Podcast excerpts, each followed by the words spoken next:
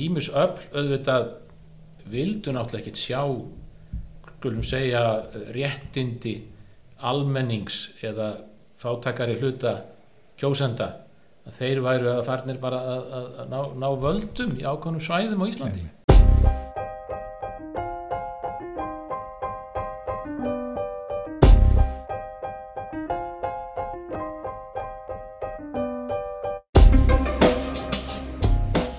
Alþingiskostningunum 1927 eru tveir menn uppvísir að atkvæðafölsunum í máli sem hefur verið nefnt nýfstalsmálið. Málaregstur ákeru valdsins stóði í þrjú og hálft ár og á þeim tíma rataði það meðal annarsinn á borð kjörprifanemdar alþingis, hæstaréttar og Skotland í art. Ég rætti þessa sögu í pistli sem hægt er að lesa á guðmundurhörður.medium.com En hér ætla ég að fylgja píslinum eftir með viðtali við Sigurd Pétursson sakfræðing en hann hefur skrifað mikið um vestfyrska verkalýðsögu og þar á meðal um nýfstalsmálið. Ég byrjaði á því að spyrja Sigurd hvað það hafi verið í samfélagsgerðinni fyrir vestana þessum tíma sem gerði stjætta átökin svona hardræk og leiti meðal annars til þess að íhalsmenn gripu til atkvæðafölsunar.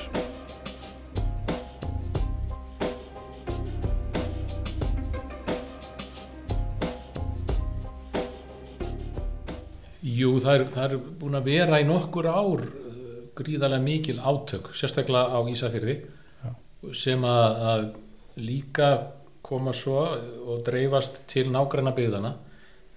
Verkalinsreifingin er auðvitað að riðja sér til rúms og eftir að jafnaða með ná völdum á Ísafyrði 1921 að þá svona er eins og að það verði alveg mjög mikill skurðpunktur þar í átökum. Annars vegar á milli verkalýsreifingarinnar og svo borgarlegu aflana og það er ímislegt gert og, og það er reynd að koma í, kom í veg í fyrsta lega er reynd að koma í veg fyrir að verkalýsreifingin nái að breyða úr sér Mm. að þessi vírus ná að dreifast meira heldur en orðið er, getur við sagt út fyrir stæðstu kaupstæðina þannig er reynd að koma í veg fyrir að verði til verkalýsfélög í Nýfsdal, Bólungavík og Súðavík sem dæmi uh, og uh, í stjórnmálunum eru náttúrulega gríðarlega átök á Ísafyrði og það eru reyndar líka skýring á því að, að, að baráttunum bæjarstjórnina á Ísafyrði er þannig að það er í raun og veru stanslös kostningabaráta það er ekki kosið á fjögur ára fresti eins og er núna í bæjarstjórnum. Heldur var það þannig að, að það, var, eh, það var sérstök lög um hvert kaustað og það var ekki alltaf kosið eins í öllum kaustöðum í kringu landið. Á Ísafyrði var kosið á hverju einasta ári um eitt þriðja af bæjarfulltrúunum. Þannig að þeir voru í raun og veru milli 1920 og 1930 voru þeir bara í stanslausir kostningabaratu allan ársins hring. Og var alltaf kosið í janúar um þrjá bæjarfulltrú af nýju jafnaða menn unnu eiginlega alltaf kostningarnar þennan áratug og áttu þess vegna alltaf sex bæjarfulltrú af nýju voru með öruga meiri hluta e, síðan komu alþingiskostningar þarna inn á milli.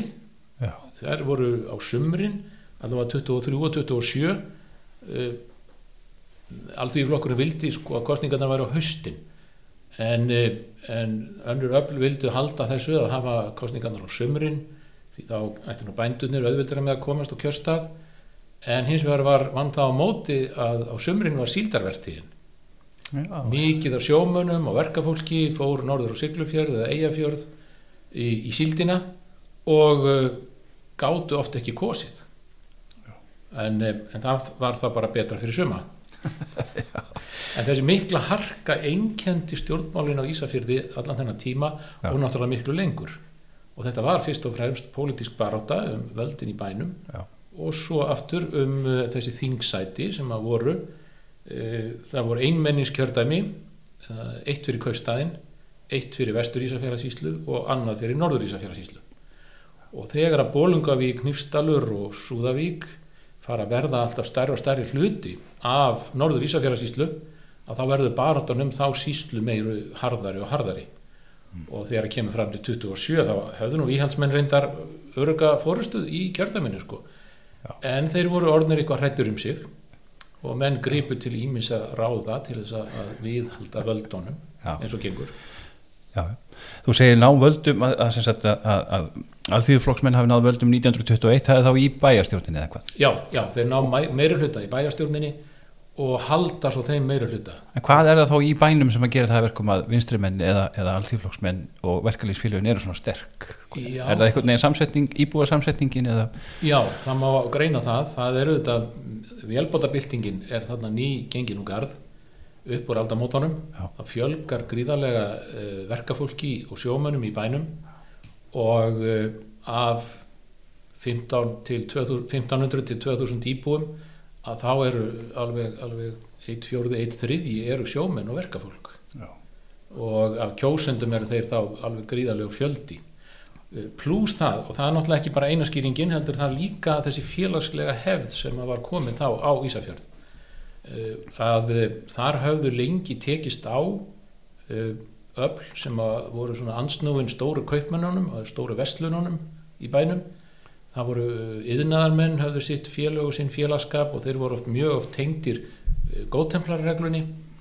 Og góðtemplarreglan var nú svona fyrsta alþjóður reyfingin og segja, þar gáttu allir verið með Já. alveg sama úr hvaða stettir voru og þar voru kallar og konur saman í félagskap og uh, góðtemplarreglan var oft sérstaklega í bæjónum svona fyrir rennari verkalýsfélaga og annara félaga. Og síðan koma skúlamálin. Já, skúli Dórótsen var, var hérna, síslumæður og Ísafyrði mm -hmm. hann gengur í lið með bændónum þeir stofna bændakaufélag sem að að flytja út saltfisk í stað þess að leggja saltfiskin inn hjá kaupmennunum og þá er komin hagsmunabaráta á milli þeirra sem er í kringum skúla og svo aftur kaupmenninir í bænum. Og upp úr því verða til þessar tvær anstæðu fylkingar. Og það var lengi fram eftir 20. öldinni sem að en það var talað um það að menn væri annarkort skúlamenn eða hannesarmenn á Ísafjörði jafnamenn eða íhalsmenn Já, já skúlinn alltaf gaf út þjóðviljan er það ekki frá? Jú, skúli stopnaði þjóðviljan Já, og var með svona rótækar hugmyndir í samfélagsmála Já, hann var svona með við þann tíma. félagslega þengjandi og, og var með hugmyndur um bæði mentun kvenna, frelsi kvenna, jafnrétti og rétt verkafólks. Þannig að hann hafi kannski svona lagt svolítið grunninn að þessum... Já og það sem kom í kringum hann, hann hafði mikinn stuðning á Ísafjörði og líka í síslunni og var svo þetta uh, þingmaður í síslunni Já. lengi og hann hafði, má segja, hans barátt á þeirra sem var í kringum hann, lagði svona ákveðin grunn að þessu, mm -hmm. þessu félagslega félagslega sterka, sterk reyfingu sem að var á Ísafjörði Já. og skúli fekk náttúrulega í gegn fyrsta vinnuvendar frumvarp á Íslandi hann fekk eh, það, það í gegn að það voru sett lögum að þetta borga verkafólki í peningum Já. og það voru gríðarlega réttindi sem að fólk hafði ekki áður þegar fólki var bara borgað út í reikning hjá kaupmanninum. Kaupmannin réð bæði laununum og verð, verðinu. Og þá kemur þetta frumvarp frá skúla og fær hann fekk það nú ekki gegn fyrir henni eftir það og tíu ár að náði gegn. Já. og svo stundum tegum með góð mál. Þetta má segja að það hefur verið fyrsta verkamanna lögjöfin á Íslandi. Já, þetta hefur verið mikið framfæra mál Já, já, já Þannig að þetta var svona ákveðin hefð sem að, sem að helst lengi á Ísafjörði og það er í kring að, að, að þessi félagslega baráta Já. En svo, og þetta virðist vera kannski að því að maður velti fyrir sér þessu nýfstalsmáli þar sem að þeir, þarna Haldan Haldansson hrefstjóri virðist að, eða já, hæstir réttur komst að þeir að hann hefði falsað þarna atkvæði til þess að steyðja sinn mann, eh, frambjóðunda íhalsflokksins uh, en þar munar svo mörgum atkvæðum og það er svona eitt að skrítna þessu máli að þarna hann er dæmdur fyrir hvað fölsun á fjórum atkvæðum uh, hann kerður fyrir fölsun fleiri atkvæða en ekkert nanda næri því sem hefur þurft til þess að hafa ykkur áhrif á kostningu þar sem að munaði hvað 200 og Já, 200 og eitthvað atkvæðum. Tæp 400 atkvæði og móti rúm 600 Já, já hérna segir Yfir, allavega yfir 200 atkvæði sem munaði. Já, þannig að maður veldi fyrir sig sko hvað, hvað af hverju stóðum en í þessu sko og annarkort er þetta þá að hann bara gleymið sér þarna í ykkur, ykkur kapsemi sko, eða þá að eitt sem ég rækst á að hann að sagt, í nýfstal voru verðast að vera verkvöld þetta sama ár 1927 já, já.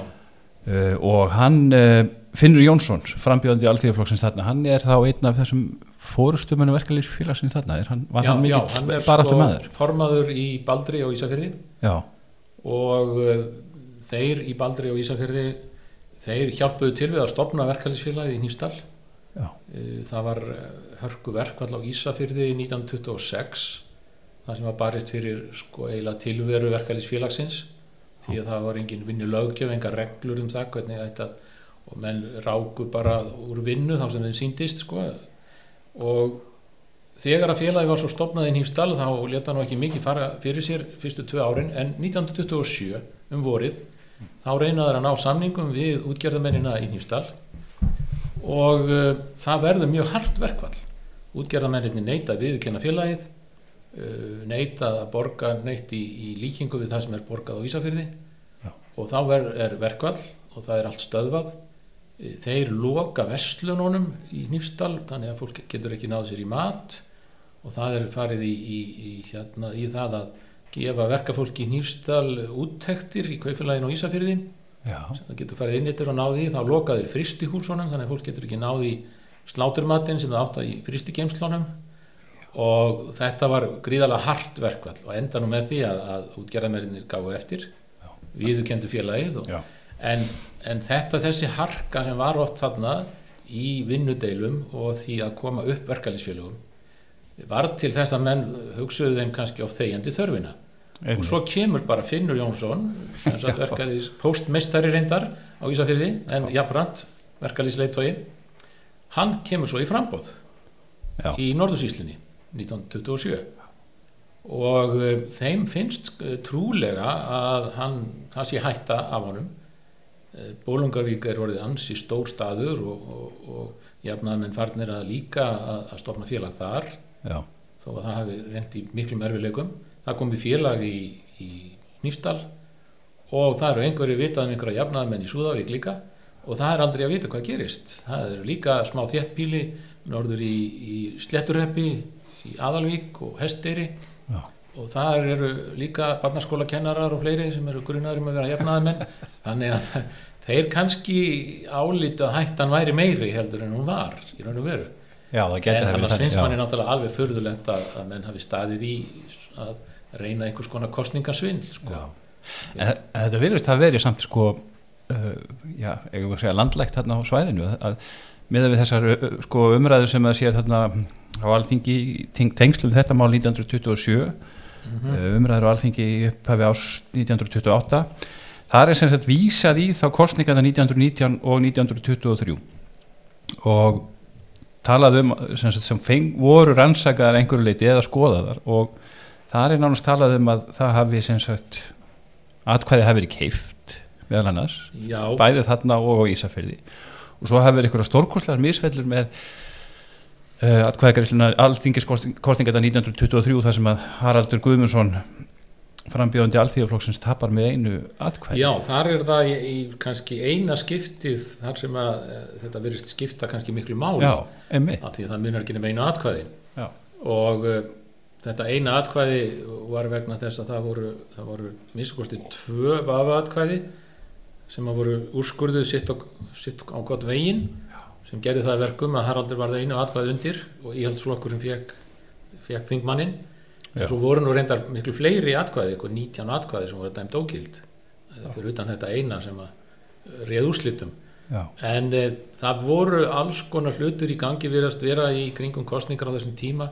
Það var eitthvað sem hétt heimakostningar, fólk sem var veikt, gæt fengi hrefstjóran heimti sín og, og láti kjósa eða kosi sjálft. Og það var eh, svona svolítið lausung í utan kjörstaða atkvæðum. Já. Hrefstjórarnir voru bara með kjörseðla hjá sér, þetta var ekki skráð mikið eða svolítið.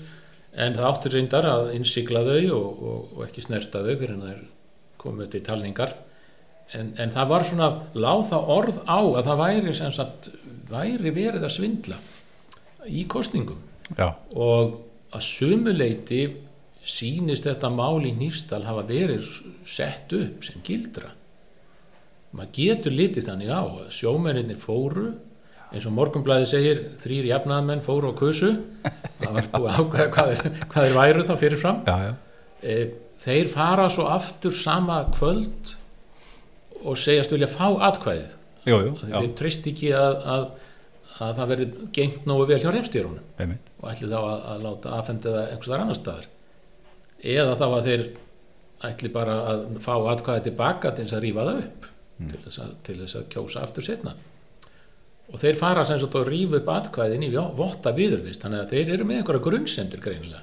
Já, já, og það kemur í ljós að það er bara sama rítöndin á sem kosti þremur Já.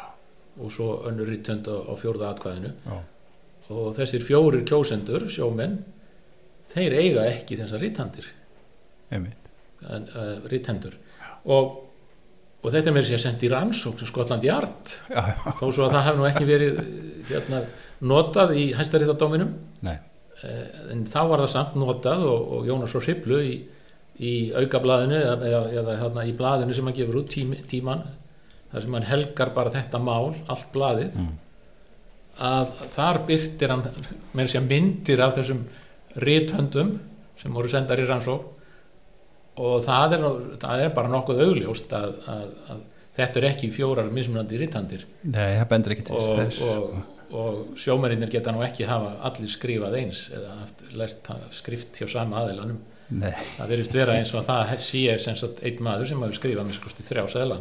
Já. og En þú meinar, já, að sko, morgunblæðið sem segir, já, að það eru sósialistar sem að, að þetta sé samsæri já, þetta sé bara samsæri og þeir hafi e, en, en þetta er nú strax sko, þetta gerist sko og líka vegna tímasetningarinnar sko, að þeir, þeir gera þetta fyrir kostningar Já, og þetta er orðið bara, að þeir verða á sjó. þeir ætla að fara út á sjó og ætla að vera í burtu og, koma viku fyrir kostningar og kjósa en snúa svo tilbaka sama dag, Já. sama kvöld Já. og vilja fá atkvæðin sín og fara svo að kíkja í atkvæðin Heldur þeir hafi, já, verið að prófa þetta? það er, það, verið að- þetta, þetta líktar nú svolítið af því að þeir hafi verið að, að láta reyna á málið Já.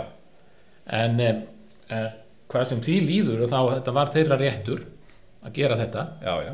og þeir segja að þeir hafi farið tilbaka ná í atkvæðin af því að vinnur þeirra eða, eða samherji hafi sagt nei þeir með alls ekki skilja brefin eftir hjá hrefstjóranum Akkurat. því hann er svo mikið íhaldsmaður ekki hægt að treysta honum. Og það er vegna þess að þetta orð lá á eins og þú segir 1923, 1919 en þar komur nú reyndar líka fleiri atrið inn og, sem að var bara kjörstjórnirnar voru oft skipaðar bara einhliða eins og 1923 og úrskurður kjörstjórnarinnar þá. En svo fer það bara fyrir alþingi eins og við stöndum frammi fyrir núna Já, í dag. Já, já. Og það eru alþingismerinni sem sjálfur úrskurða. Já, og 1923 var mikill meira hluti sem að úrskurðaði Sigur Jón Jónsson rétt kjörinn Já. þó svo einn aðkvæði seðlinn hafi staði Sigur Jónsson Jónsson. Já. en herra Haraldur Guðmundsson var dæmdur ógildur. Einmitt. sá kjörsiðil Og var það kjörstjórnin svo, var hún þá skipuð, Já, hún var Íhaldsmönnum. íhaldsmönnum uh, algjörlega. Já, já, í, í kjörstjórninni 1923 já, þannig að, þannig að- Haraldur hefur- treystu henni ekki. Emitt, emitt, en þar var ekki talað um kostningasvindl heldur, þá var það, var það úrskurður kjörstjórnarinnar á, á atkvæðanum þannig að Haraldur hefur átt harma hefna þarna eftir. Já, já, svo fór hann í frambóð aftur 27, fjórum varum setna og, Já. og, og vann Ísafjörð með stórum mun sko. Já, og, og það var reyndar íhaldsflokkurinn þorði ekki að setja sína eigin frambjóðandur eins og í frambóð þá heldur fundu, fundu prestin á staðnum sér að Sigurgeir sem setna var biskup. Já, og settu hann í frambóð og, sögðu að, að hann væri eiginlega bæði íhaldsmaður og jafnaðmaður til þess að reyna að auka líkunar á kostningum hvernig stóð þá á þessum miklum breytingum milli á svona, Já, á þessum tíma, Frá- 23 til 27 að þá festir sig allþví stjórnin í sessi í bænum. Já, og þeir eru bara komin með það mikinn meiri hluta Já. og uh, halda mjög fast um hann. Já. Þannig að, að þeir voru þarna þrýr Haraldur Guðmundsson Finnur Jónsson og svo Vilmundur Jónsson, læknir. Mm og á tímabili voru þeir allir þrýr þingmenn, alltíðiflokksins úr hinnum á þessum kjördæmum. Já, já, já, bæði fyrir vestan og, og svo Haraldur á, á, á Seyðisfyrði með að segja, já, í kostningunum þarna á eftir. Einmitt, og þegar að Vilmundur fór svo í frambóð 1931 sem voru þá næstu kostningar eftir uh, meinta kostningarsvindlið að, að þá vann hann sísluna af íhaldsfloknum eða sjálfstæðisflokknum sem þá var orðin og það hann er eini, eini maðurinn sem að vann sem sagt sveita síslu fyrir alþýðflokkin já, já, já, það Það hefur verið afrek. Vilmundur var kjörin í norður Ísafjörðasíslu já, já, með sér tvisvar. Hver var þá anstæðingur hans, verða, þá var nú Jón Auðun Jónsson var nú Já. fyrst anstæðingur hans í fyrir kostningunni, ég man nú ekki hver var í setni kostningunni Nei. 37 en svo hættir Jón Auðun á þingi 1937 Já, þekkir þetta mál sem að já, ég veit ekki hvort hann hætti út af þessu máli hann verður uppís um uh, já, það sem þeir kalla landhelgisbrot já, þetta, það var ansi merkilegt mál. Það var kallað ömmu skeitin. ömmu skeitin, já, Ömmu skeitin, þetta voru sem sagt skeiti sem að bárust til breskra tógara sem voru að veiðum kringu landið. Og landhelgin var nú ekki stóra í þá daga, þeir voru nánast bara upp í fjörðum e, tógararnir, mm. e, milli 30 og 40 og e, þá berast svona dulafullar skeitasendingar til tógarana og það er til dæmis amma er veik amma liggur í rúminu amma er komin fram úr. Og þá þýtti þetta sem sagt að varskipin var í höfn þegar amma var veik eða, eða í rúminu. En þegar amma var komin að fætur þá var varskipin sem sagt farið úr höfn.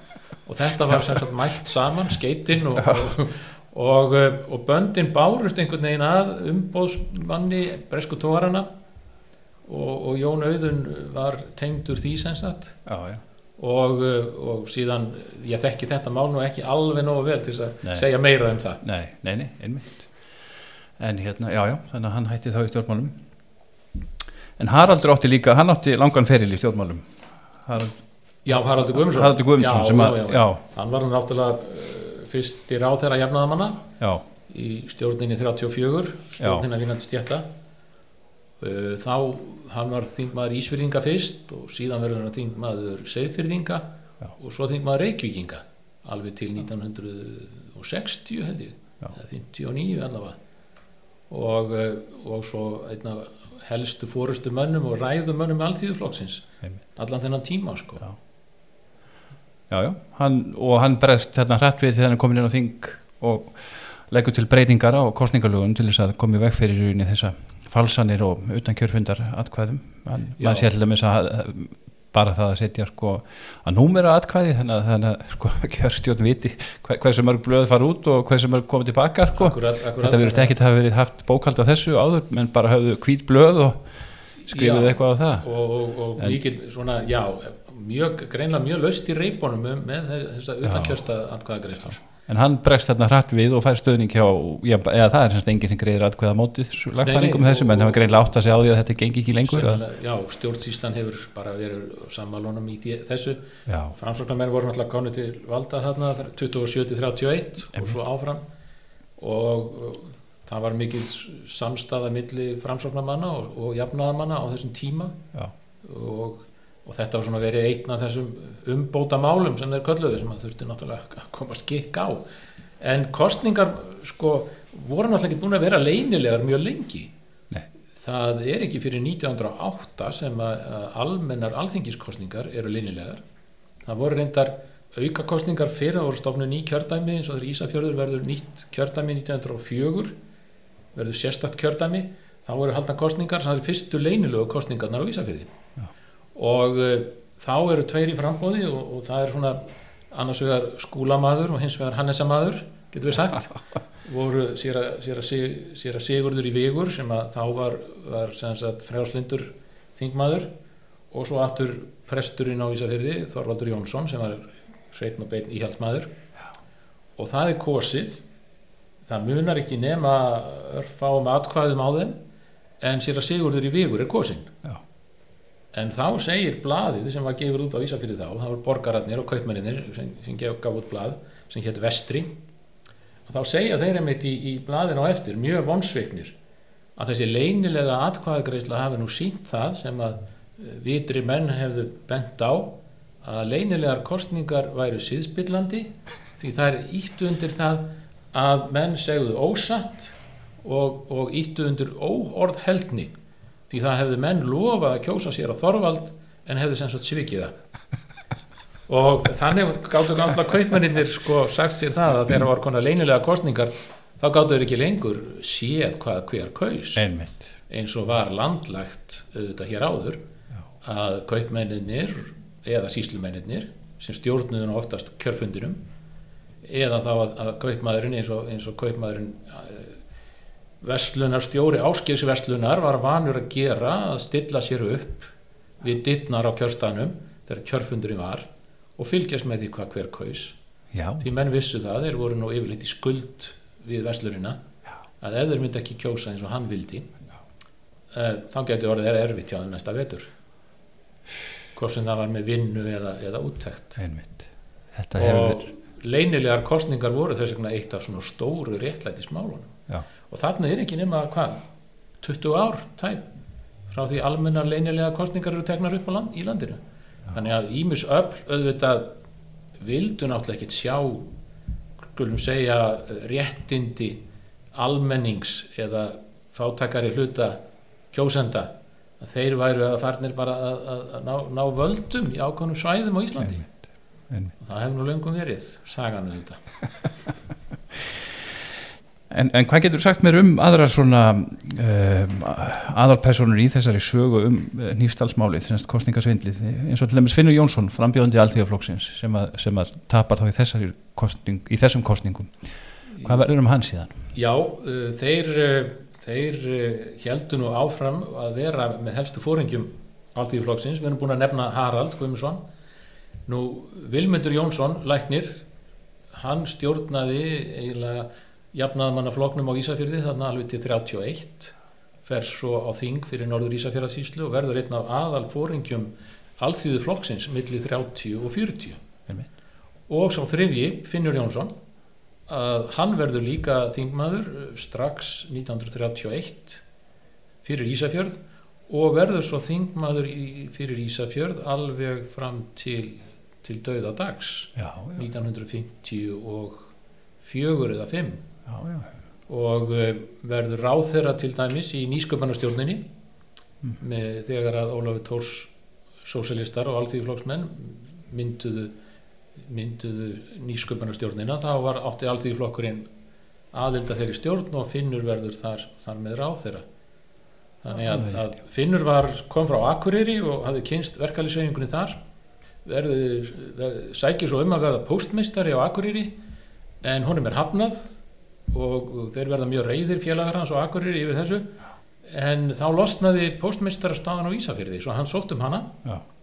og fekk hana Já. kemur vestur á Ísafjörð og þeir byggði hann að koma á fund í verkalýsfélaginu 1920 21 þá um veturinn verkalýsfélagi átti mjög erfitt þá vegna þess að þeir voru offsóttir og reknir úr vinnu sem Já. þar voru í stjórn en þarna kom sem sagt maður sem hafði ekkert undir kaupmennunum uh, var talin vera jafnaðamaður þeir bjóðan á fund bjóðanum á fund, hann þykkur það og þeir kjósa hann bara sem formann á staðnum.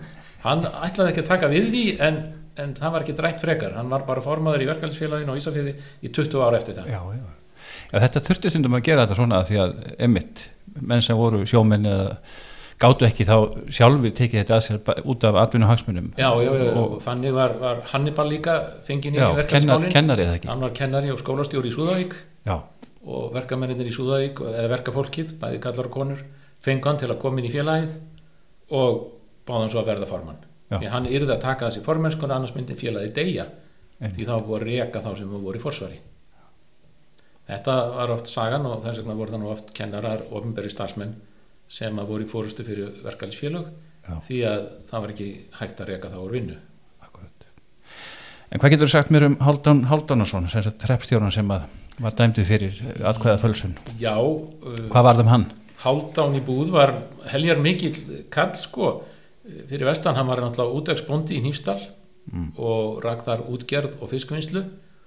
Og uh, sá sem var þarna hans hægri hönd, Eggert Halldórsson hann varð svo tengdarsonur hans þeir uh, fóru svo setna og stopnuðu fristihús í, á Ísafyrði hraðfristihús í Norðtanga og, og það gekk lengi mjög vel í marga ára tugi og, og hans ættmenn drífandi fólk og, og, og dugnaðar fólk Já. útgerðamenn, sjómenn fiskverkendur og, uh, og er stór ættstofn komin út af haldán í búð og þannig var nú með útvegsbændurna í Hnífstall það voru nú heljarina kallar. Þeir áttu hluta af fjörunni hver fyrir sig og, og gerðu út og verkuðu saltfisk og, og högnuðust margir vel. Já. En þú en kannastu eitthvað við Sumarliða Hjálmarsson, hann sem kom málun á stað, sjómannin, sjómannin sem, að, sem að kaus? Í, Í ég man bara eftir því að, að hann var sem sagt í sjómannafélagi Ísfyrninga hann, hann var starfandi í verkalýsreifingunni og var sem sagt sjómaður þarna á þessum tíma og hefur nú öruglega stutt jafnaða menn, ég trú ekki öðru annars hefði hann valla komist í stjórn eh, hann, hann ég sá hann í, í stjórn sjómannafélagsins á einhverjum tímapunkti Já, já, já. en svo veit ég ekki hvað varð um hann Nei, einmitt. Eh, Þeir sem hafa áhuga þessari sögu svona almennt, þú, þeir geta lesið bókina þeina, vindur í seglum.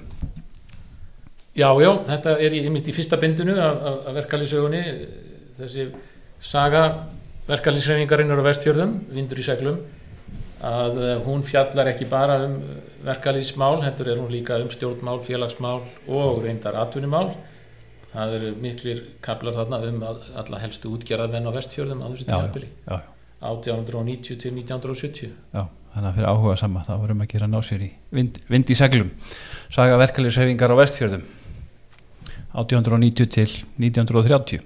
Er það fyrsta bindið og, er og svo fylgir ef, svo eftir, eftir tímaröð. sem eru 30 til 70 akkurat, og þá er farið um alla vestfyrði frá Patrísfyrði og til Holmavíkur, allan ringin. En endum þetta kannski bara á því, þú ert búin að lýsa þessum rauða bæ sem að, sem að Ísafjörðu var, hann er það ekki lengur. Hvað, hvað gerði síðan til þess að, sem var þess valdandi að uh, alþjóðuflokkurinn og eða, eða vinstri menn mistu svona tökin?